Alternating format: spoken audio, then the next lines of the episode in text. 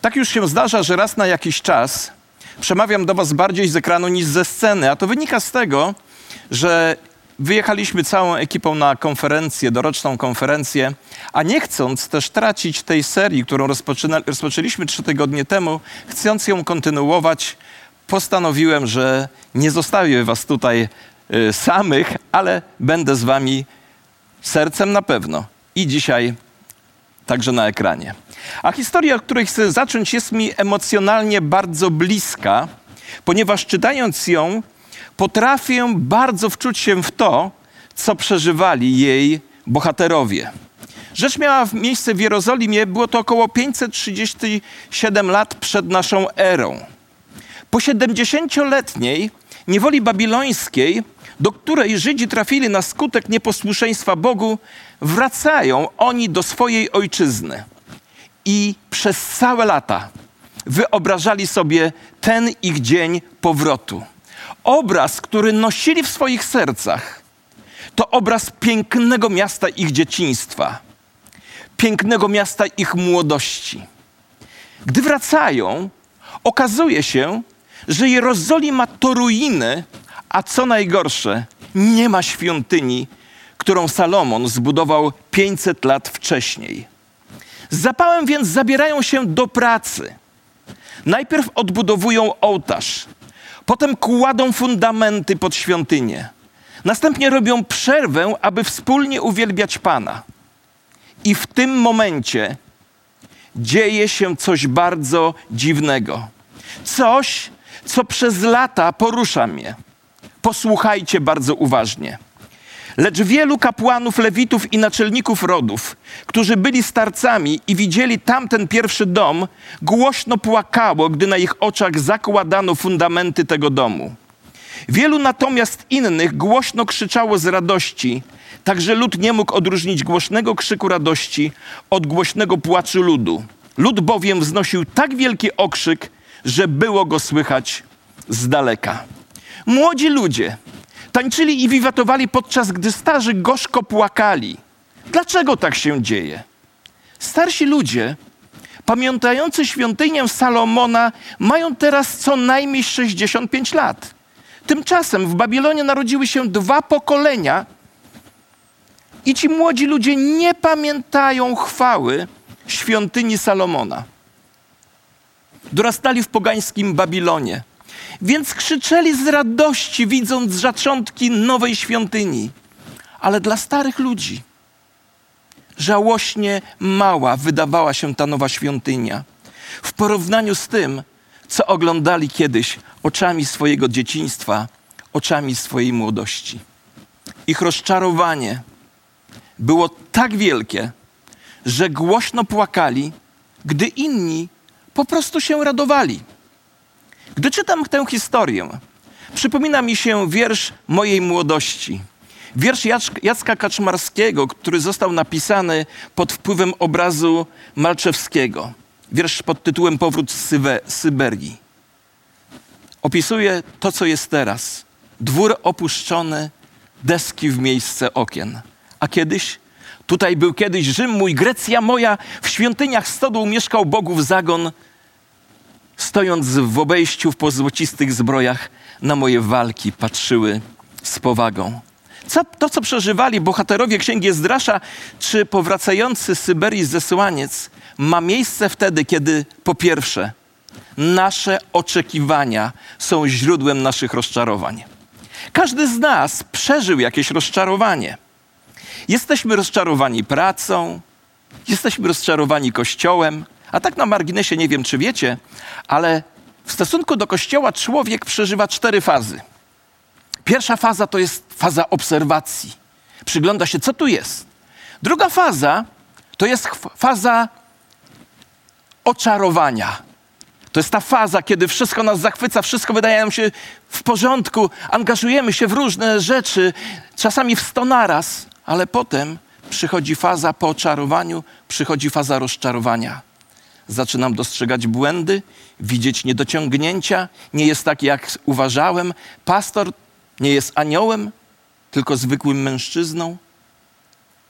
A potem, po takiej fazie rozczarowania, powinna przyjść faza oddanej służby, wynikającej z tego, że znając błędy, potrafię się w to zaangażować. Pomyślcie o tym, ale to jest tylko taka dygresja. Jesteśmy rozczarowani pracą, kościołem, przyjaciółmi, małżeństwem. Przykładów można by mnożyć. My żyjemy w świecie rozczarowań. I jeśli dziś nie uporamy się z tą prawdą, jutro będziemy skazani na jeszcze gorszą przyszłość. Mówiąc inaczej, jesteśmy rozczarowani, gdy sprawy nie układają się tak, jak myślimy, że się ułożą. Złe oczekiwania prowadzą do rozczarowania, a rozczarowanie prowadzi do rozpaczy. Dlatego kolejne kazanie z serii Wznieś się ponad zatytułowałem Wznieś się ponad rozczarowania. Ale wracając do naszej historii, zadajmy sobie pytanie: dlaczego starszyzna była rozczarowana? Pamiętali oni, jak kiedyś było dobrze. A ponieważ w przeszłości doświadczyli rzeczy wielkich, nie mogli poradzić sobie z teraźniejszością. Jeśli kiedykolwiek mamy przezwyciężyć tego rodzaju rozczarowanie, konieczne są trzy rzeczy, które musimy zrobić, a które zrobili powracający z niewoli Żydzi, o czym czytamy w księdze Ezdrasza w trzecim rozdziale. Posłuchajcie. Pierwszą rzecz, którą zrobili, to było nowe poświęcenie się Bogu. I my też musimy to zrobić. I to nowe poświęcenie się Bogu wyraziło się tutaj odbudową ołtarza. To jest bardzo ważne. Powracający wygnańcy zaczęli od odbudowy ołtarza, aby mogli składać ofiary Bogu. Potem składali całopalenie nieustannie, zarówno w dniu nowia, jak i w każde święto poświęcone Panu, oraz dary od każdego, kto składał Panu dobrowolną ofiarę. Pierwszego dnia, siódmego miesiąca, zaczęli składać Panu całopalenia, chociaż fundamenty świątyni jeszcze nie zostały położone. To ważne stwierdzenie. Jeszcze nie było fundamentów, ale oni już składali ofiarę. Zbudowali ołtarz, zanim rozpoczęli odbudowę świątyni. Dlaczego? Kochani, uwielbienie musi być zawsze na pierwszym miejscu. Wychodząc z gruzów swojego poprzedniego nieposłuszeństwa, najpierw musieli się upewnić i upewnili się, że właściwie postępują wobec Boga.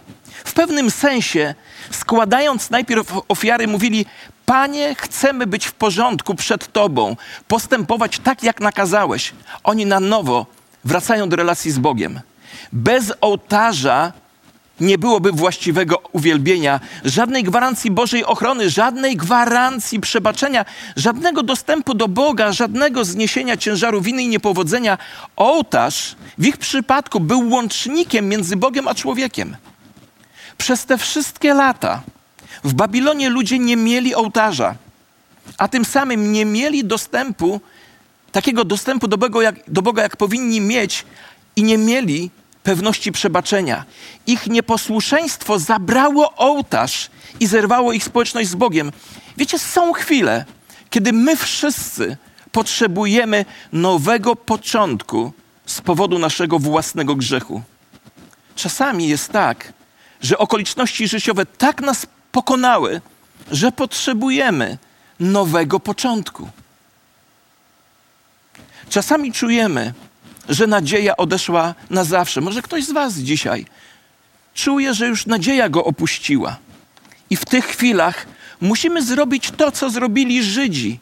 Musimy wrócić do ołtarza, do ofiary, a dla chrześcijanina to znaczy powrót do krzyża Jezusa Chrystusa, gdzie Jego krew została przelana za nasze grzechy. Wszyscy potrzebujemy uzdrowienia, które pochodzi z krzyża Jezusa Chrystusa. I potrzebujemy tego każdego dnia. Często zastanawiamy się, czy Bóg przyjmie nas z powrotem, czy może czasem nas odrzuci. Odpowiedź brzmi tak, Bóg przyjmie nas z powrotem. Ale nigdy się nie dowiesz tego, dopóki sam nie wyruszysz w tę podróż. Powiedz mu, że wiesz, że On jest Bogiem i że prosisz Pana Jezusa o przebaczenie, a bez względu na to, jak wielki jest Twój grzech, jak wielki jest nasz grzech, jeśli zwrócimy się do Pana Jezusa, On nam obficie przebaczy. Bo któż jest Bogiem jak Ty, który przebacza nieprawości i daruje występek resztki swego dziedzictwa? Nie chowa swego gniewu na wieki, bo ma upodobanie w miłosierdziu, mówi prorok Malachiasz. Pierwsza więc rzecz to nowe poświęcenie się Bogu, wyrażone odbudową ołtarza, a drugie to nowe posłuszeństwo Bogu, wyrażone przywróceniem fundamentów. Po odbudowie ołtarza, a tym samym ponownym ustanowieniu relacji z Bogiem, Żydzi przystąpili do położenia fundamentów pod świątynią. Wiecie, to jest, wszystko jest logiczne. Najpierw relacja, a potem fundamenty. To relacja przywraca fundamenty, a nie fundamenty przywracają relacje. Choć czasami może wydawać się, że to odwrotnie. Bóg prosi, żebyśmy, Bóg wzywa nas, żebyśmy przyszli tacy, jest, jacy jesteśmy, a potem następuje odbudowa fundamentów. A to położenie fundamentów wiązało się z ogromnym wysiłkiem oczyszczenia tego miejsca. Dali też pieniądze kamieniarzom i cieślom oraz żywność, napój, oliwę Sydończykom, Tyryjczykom, aby przywozili drzewo cedrowe z Libanu morzem do Jafy zgodnie z zezwoleniem Cyrusa króla Persji. W drugim roku po ich przybyciu do domu Bożego w Jerozolimie, w drugim miesiącu Zorobabel, syn Szelatiela i Jeszua, syn Jocadaka i pozostali ich bracia kapłani Lewici oraz wszyscy, którzy powrócili z niewoli do Jerozolimy, zaczęli odbudowę, a ustanowili Lewitów od 20 lat wzwyż, aby byli nadzorcami robót wokół domu Pana. Wiecie, w tej historii odbudowy fundamentów uderzają dwa fakty – po pierwsze, opisani tutaj ludzie, przeczytajcie sobie ten trzeci rozdział Ezdrasza, w ogóle księga Ezdrasza jest fantastyczna. Po pierwsze, opisani tu ludzie zobowiązali się, że będą naśladować Boga w każdym aspekcie swojego życia. To tak jak jesteśmy wezwani w Nowym Testamencie, bądźcie naśladowcami Boga jako dzieci umiłowane i chodźcie w miłości. A werset drugi i czwarty podkreślają, że kiedy odbudowali ołtarz, zrobili to zgodnie z prawem, czyli zgodnie z tym, co Bóg przekazał Mojżeszowi wiele stuleci wcześniej. Nadszedł czas, aby zacząć od nowa. Co robisz, gdy nadszedł czas, aby zacząć od nowa? Może dzisiaj to jest ten czas, aby zacząć od nowa. Wraca, wracasz do podstaw, czytasz instrukcję obsługi, aby nie popełnić na nowo tych samych błędów. Tak się to właśnie robi. Wracasz do podstaw, czytasz instrukcję obsługi, aby nie popełniać tych samych błędów od nowa. Tak zrobili ludzie w trzecim rozdziale Księgi Ezdrasza. A po drugie, położyli fundamenty na przekór otaczającym ich wrogom. Przeciwstawienie się wrogiemu światu wymaga odwagi. Kiedy wróg staje przeciwko tobie, co wtedy zrobisz? Przedkładasz wiarę ponad swoje lęki? A może powinien to powiedzieć tak. Wówczas przedkładasz wiarę ponad swoje lęki. Podsumowując, wyglądało to tak. Pomimo gruzów, pomimo opozycji, pomimo wszystkiego, co wydarzyło się w przeszłości, lud Boży zjednoczył się i zabrał się do pracy krok po kroku, dzień po dniu, tydzień po tygodniu starali się oczyścić pół wieku zaniedbań. Nie przegap sedna. Nie przegap sedna.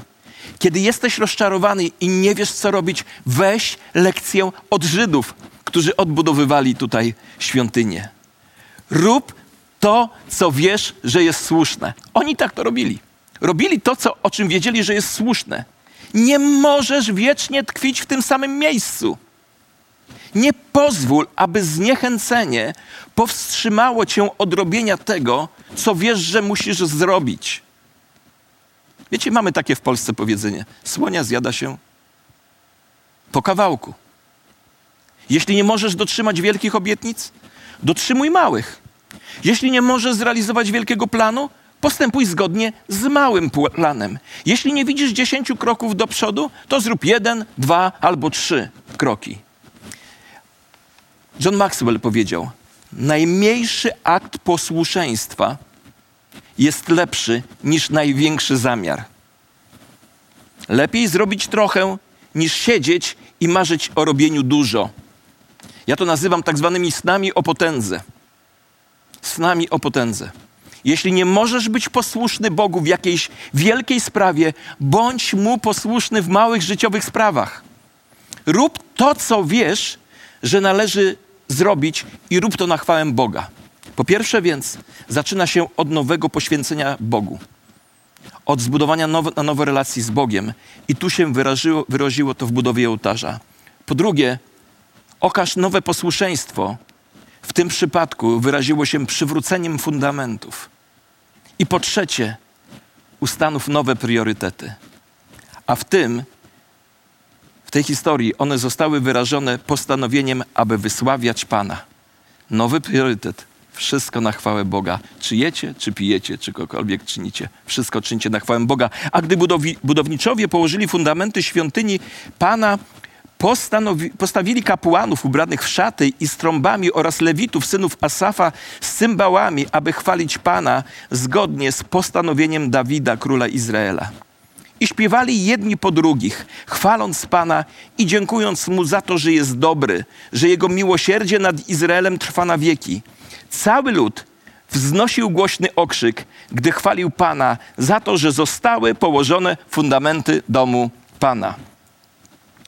Po położeniu fundamentu ludzie i ich przywódcy zatrzymali się i podziękowali Bogu. Niech wam to nie umknie.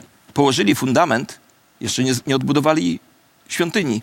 Położyli fundament i zaczęli chwalić Boga. Zjednoczyli się w uwielbieniu, które było skoncentrowane na Bogu. Oni nie czekali, aż budowa będzie ukończona, aby chwalić Boga, ale zatrzymali się i mu dziękowali. Jest to bardzo ważna lekcja dla nas wszystkich. Pamiętajmy, że oddawanie chwały jest wyborem, a nie uczuciem. Nie powinieneś czekać, aż będziesz miał ochotę oddawać chwałę Bogu, bo oddawanie chwały Bogu nie dotyczy Twoich uczuć. Oddawanie chwały Bogu to jest Twój wybór, którego dokonujesz bez względu na uczucia. Będę błogosławił Pana w każdym czasie. Chwała Jego niech zawsze będzie na moich ustach a następnie wychwalaj go w środku konfliktu. Wychwalaj go w każdej sytuacji. Chwal go nawet wtedy, gdy wydaje ci się, że coś jest przeciwko tobie. Rób to, co robili Żydzi. Chwal go za dobry początek. To sprawi, że Twoja dusza będzie we właściwym miejscu, aby kontynuować z radością pracę w nadchodzących dniach. Wiecie, to jest wielki postęp w życiu duchowym, jeśli zaczynasz chwalić Boga nawet wtedy, kiedy sprawy nie układają się dobrze. Wiecie, wspaniale jest móc zatrzymać się i spojrzeć na swoje życie i powiedzieć: Nie jest tak, jakbym chciał, ale Bóg nadal jest dla mnie dobry. Wiecie, lubię tę historię z księgi Ezdrasza, także z tego powodu, że uczy mnie ona, dlaczego młodzi i starzy potrzebują siebie nawzajem. Żartobliwie chciałem powiedzieć, dlaczego my, młodzi, potrzebujemy trochę starszych. W tej historii młodzi ludzie radują się, ponieważ Babilon był wszystkim, co znali. Nigdy nie widzieli świątyni Salomona. Starsze pokolenie opowiadało im historię o wspaniałych dawnych czasach, ale oni tego nie doświadczyli. Kiedy więc zobaczyli odsłonięte fundamenty świątyni, była to dla nich tak niesamowita odpowiedź na modlitwę. Wiecie, aż czuję dreszcze, jak to czytam. Bo był to jedyny fragment świątyni, jaki kiedykolwiek widzieli i nie widzieli powodu do płaczu. Był to czas świętowania dobroci Boga. Wiecie, ja miałem trochę odwrotną reakcję, reakcję łez. Kiedy lata temu stanąłem nad grobami moich prababci, pradziadka i pra, i pra, i pra. I mamy drzewo genealogiczne sporządzone od tysiąc 750 roku płakałem, patrząc na pokolenia, które stały za mną. Dużo się tego dnia nauczyłem. Ciekawe było to dla mnie odkrycie, że większość z nich było nauczycielami. Ale warto jest czasami spojrzeć w przeszłość tylko po to, żeby zobaczyć skąd wyszedłem, w którym miejscu jestem i mieć w świadomości to, że zmierzam do tego, co najlepsze przede mną. Reakcja starszych ludzi też była właściwa. Przypomnieli sobie, jak było dobrze kiedyś. Przypomnieli sobie, co utracili przez swoje nieposłuszeństwo. Dobrze, że płakali, a jeszcze lepiej, że płacząc, przekazali lekcję, których nauczyły ich gorzkie doświadczenia lat wcześniej. Przekazali, płacząc, lekcję młodemu pokoleniu. I to nadal jest prawdą, że młodzi potrzebują starszych, aby przypominali im o przeszłości. Starsi potrzebują młodych, aby zachęcić ich do przyszłości. Powtórzę teraz jeszcze, słuchajcie, bo to jest fantastyczne. Budujemy kościół międzypokoleniowy. Wiecie, niewiele pokoleniowy, tylko międzypokoleniowy, gdzie pokolenia się wymieszają ze sobą. A to dlatego, że młodzi potrzebują starszych, aby przypominali im o przeszłości. Starsi potrzebują młodych, aby zachęcić ich do przyszłości. A teraz cztery lekcje życiowe. Kiedy patrzymy na te niesamowite, dla mnie wzruszające zdarzenia, to widzimy cztery elementy, które pomagają nam przezwyciężyć życiowe rozczarowania. Posłuchajcie, bo to są piękne lekcje. Jeśli jesteś rozczarowany, posłuchaj cztery, o czterech elementach, które pomogą ci wznieść się ponad rozczarowania, ponieważ Bóg powołał cię do tego, żebyś przeskoczył każdy mur, pokonał każdą przeciwność, wzniósł się w górę na skrzydłach jak orzeł, ponieważ zostałeś powołany do tego, żeby mieć spełnione życie.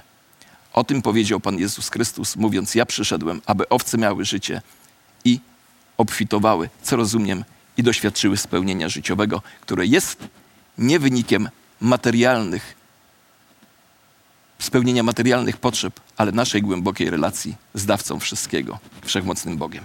Po pierwsze, chcesz przeskoczyć przez swoje rozczarowania, wznieść się ponad rozczarowania. Po pierwsze, oddaj Bogu swoje wspomnienia i oddaj Bogu swoje marzenia.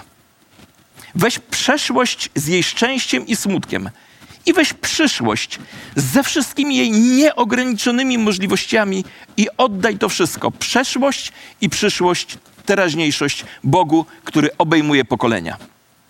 Powiedz mu, Panie, Ty jesteś Bogiem dnia wczorajszego, jesteś Bogiem dnia dzisiejszego i Bogiem jutra.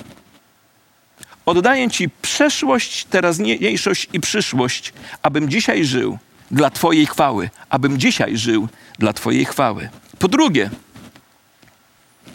i dobrze mnie zrozumcie, zaakceptuj swoją obecną sytuację jako coś, co pochodzi od Boga, jako coś, do czego Bóg dopuścił. Mówiliśmy o tym podczas pierwszego kazania z tej serii. Bo zaakceptowanie nie oznacza biernej rezygnacji. Zaakceptowanie to znaczy zgodę na to, że jestem w tej rzeczywistości, nie ściemnianie. Zgodę na to, że jestem tam, gdzie jestem, ponieważ z jakichś powodów Bóg do tego dopuścił. Ponieważ Bóg chce, żebym tam był ze względu na jakieś lekcje. Ponieważ gdyby Bóg chciał, żebym był gdzieś w innym miejscu, byłbym gdzie indziej. To świadczy o suwerenności Boga. Czasami znajdujemy się w tych miejscach na skutek złych naszych wyborów, a Bóg dopuszcza konsekwencje naszych złych wyborów. Ale to, co powiedziałem, zaakceptuj, nie oznacza, że źle jest zmieniać swoją sytuację, jeśli musimy ją zmienić, jeśli możemy ją zmienić. Ale to nam daje pewność, że wyższe ręce, że tak powiem, że wszechmocny Bóg działa w Twoim życiu i że jesteś prowadzony przez Boga, bo choćbym nawet, mówi psalmista, szedł, chodził doliną cienia śmierci, zła się nie ulęknę, bo Ty jesteś ze mną, Twoja laska i kij pocieszają mnie. I po trzecie, zrób postanowienie, że będziesz posłuszny Bogu tam, gdzie jesteś. Rozczarowanie może sprawić, że staniemy się zgorzkniali, a zgorzknienie może sprawić, że staniemy się ospali wobec obowiązków życiowych. Wiecie, tak to działa.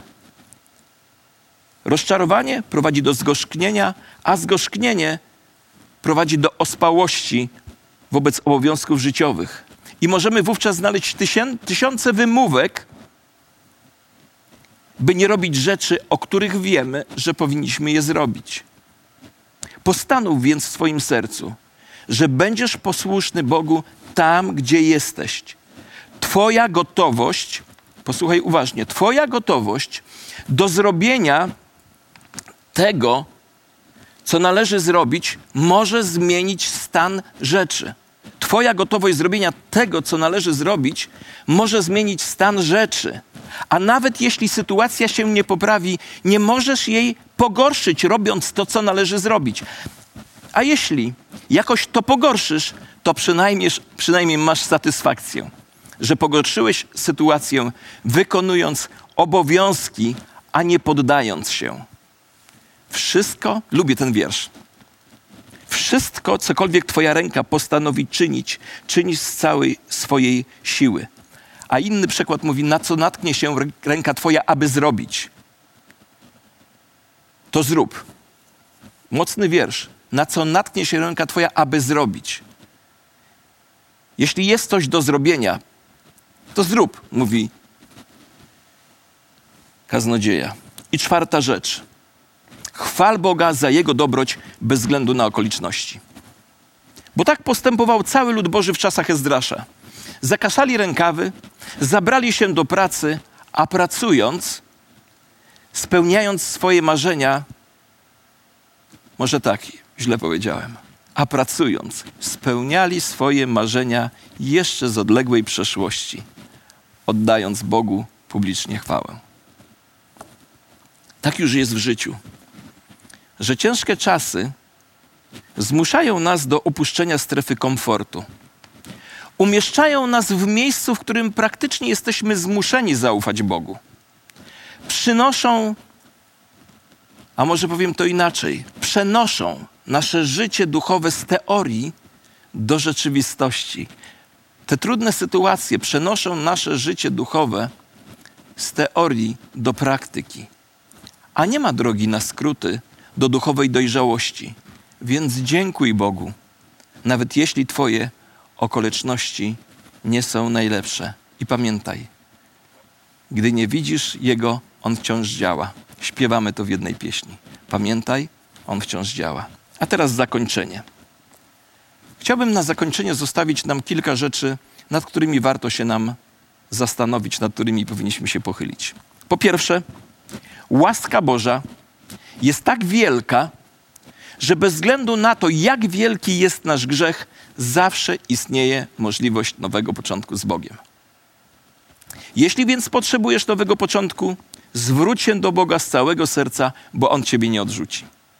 Po drugie, prawda druga, kiedy zostaliśmy ukorzeni przez Boga, to chcę Wam powiedzieć, wówczas nasze zwycięstwo będzie słodsze, ponieważ nie będzie zmieszane z grzeszną pychą, że to my sami. Pamiętajmy więc, że lepiej zacząć od małej rzeczy z Bogiem, niż nie robić nic. I lepiej radować się z tego, co masz, niż, niż płakać nad tym, co miałeś. Powtórzę teraz jeszcze. Lepiej zacząć od małej rzeczy z Bogiem, niż nie zrobić nic. I lepiej radować się z tego, co masz, niż płakać nad tym, co miałeś. Wiecie, rozczarowanie to bardzo trudna emocja. Mam świadomość, że mówię do praktyków rozczarowania, bo ja też do nich należę. Wiecie, nie jest niczym złym pamiętać o przeszłości. A z pewnością nie jest błędem opłakiwać tego, co się straciło. Lecz w końcu przychodzi czas, żeby iść dalej, i niektórzy z nas muszą to usłyszeć. Dzisiaj przyszedł dla ciebie czas, żeby iść dalej. A wtedy, gdy początki będą małe, nie rozpaczaj. Małe początki nie są przeszkodą dla Boga, dlatego w Biblii czytamy to wezwanie. Nie gardźcie dniami małych początków. Nie gardźcie dniami małych początków. Jak długo więc zamierzasz pozwalać, aby Twoja przeszłość była tym, co definiuje Twoją przyszłość? Albo odwrócę to pytanie. Jak długo zamierzasz pozwalać, aby Twoja przyszłość była definiowana przez Twoją przeszłość? Jak długo zdecydujesz się pozostawać w swoim rozczarowaniu? Nie pogardzaj swoją teraźniejszością, choć nie jest taka, jak chciałeś, lub nie jest taka, jak kiedyś była Twoja przeszłość. Złóż swoje rozczarowanie u stóp krzyża. Oddaj je Jezusowi. Dziękuj za wszystkie błogosławieństwa, a następnie dzięki Bożej łasce idź naprzód w swoim życiu, zdecydowany służyć jedynemu wszechmocnemu Bogu. I myślę, że dzisiejszy temat był bliski każdemu z nas. Wielu z nas stoi przed murem rozczarowań, a Bóg chce, żebyśmy wznieśli się ponad te rozczarowania. Może jesteś rozczarowany małżeństwem, dziećmi, kościołem, liderami, politykami, ale Bóg powołuje cię do tego, żebyś wzniósł, się ponad. I te praktyczne lekcje mogą ci to ułatwić, ponieważ z naszym Bogiem przeskakujemy każdy mur i pokonujemy każdą przeciwność. Pochylcie swoje głowy w modlitwie, zamknijcie swoje oczy. I choć nie widzę was teraz moimi własnymi oczami, ale uwierzcie, czuję was sercem i widzę was sercem. I najprawdopodobniej, choć tam, gdzie jestem teraz, jest noc, to ja oglądam to nabożeństwo. Zazwyczaj tak robię. Bo sercem chcę być z wami i modlitwą, ponieważ, ponieważ rozczarowanie dotyczy także mnie. Jeśli więc ten temat dzisiaj dotyczył Twojego życia, miej teraz pochyloną głowę, zamknięte oczy i podnieś rękę. Tak, to było do mnie. Chcę wznieść się ponad rozczarowanie i przyjmuję tę lekcję. Podnieście wy, którzy chcecie takiej modlitwy. Dziękuję bardzo. Dobry Boże, jesteśmy tu dzisiaj razem, a wielu z nas utknęło przed murem rozczarowań. Przychodzimy więc do Ciebie, bo chcemy pokonać tę przeszkodę, wznieść się ponad nią. Dziękujemy Ci za te lekcje i prosimy Cię, abyśmy je wzięli do serca, wcielili w nasze życie i doświadczyli tego, co jest Twoim pragnieniem dla nas spełnienia w Jezusie Chrystusie, naszym Panu. Amen. Bardzo Wam dziękuję i pozdrawiam ode mnie samego i od całej ekipy, która uczestniczy w konferencji.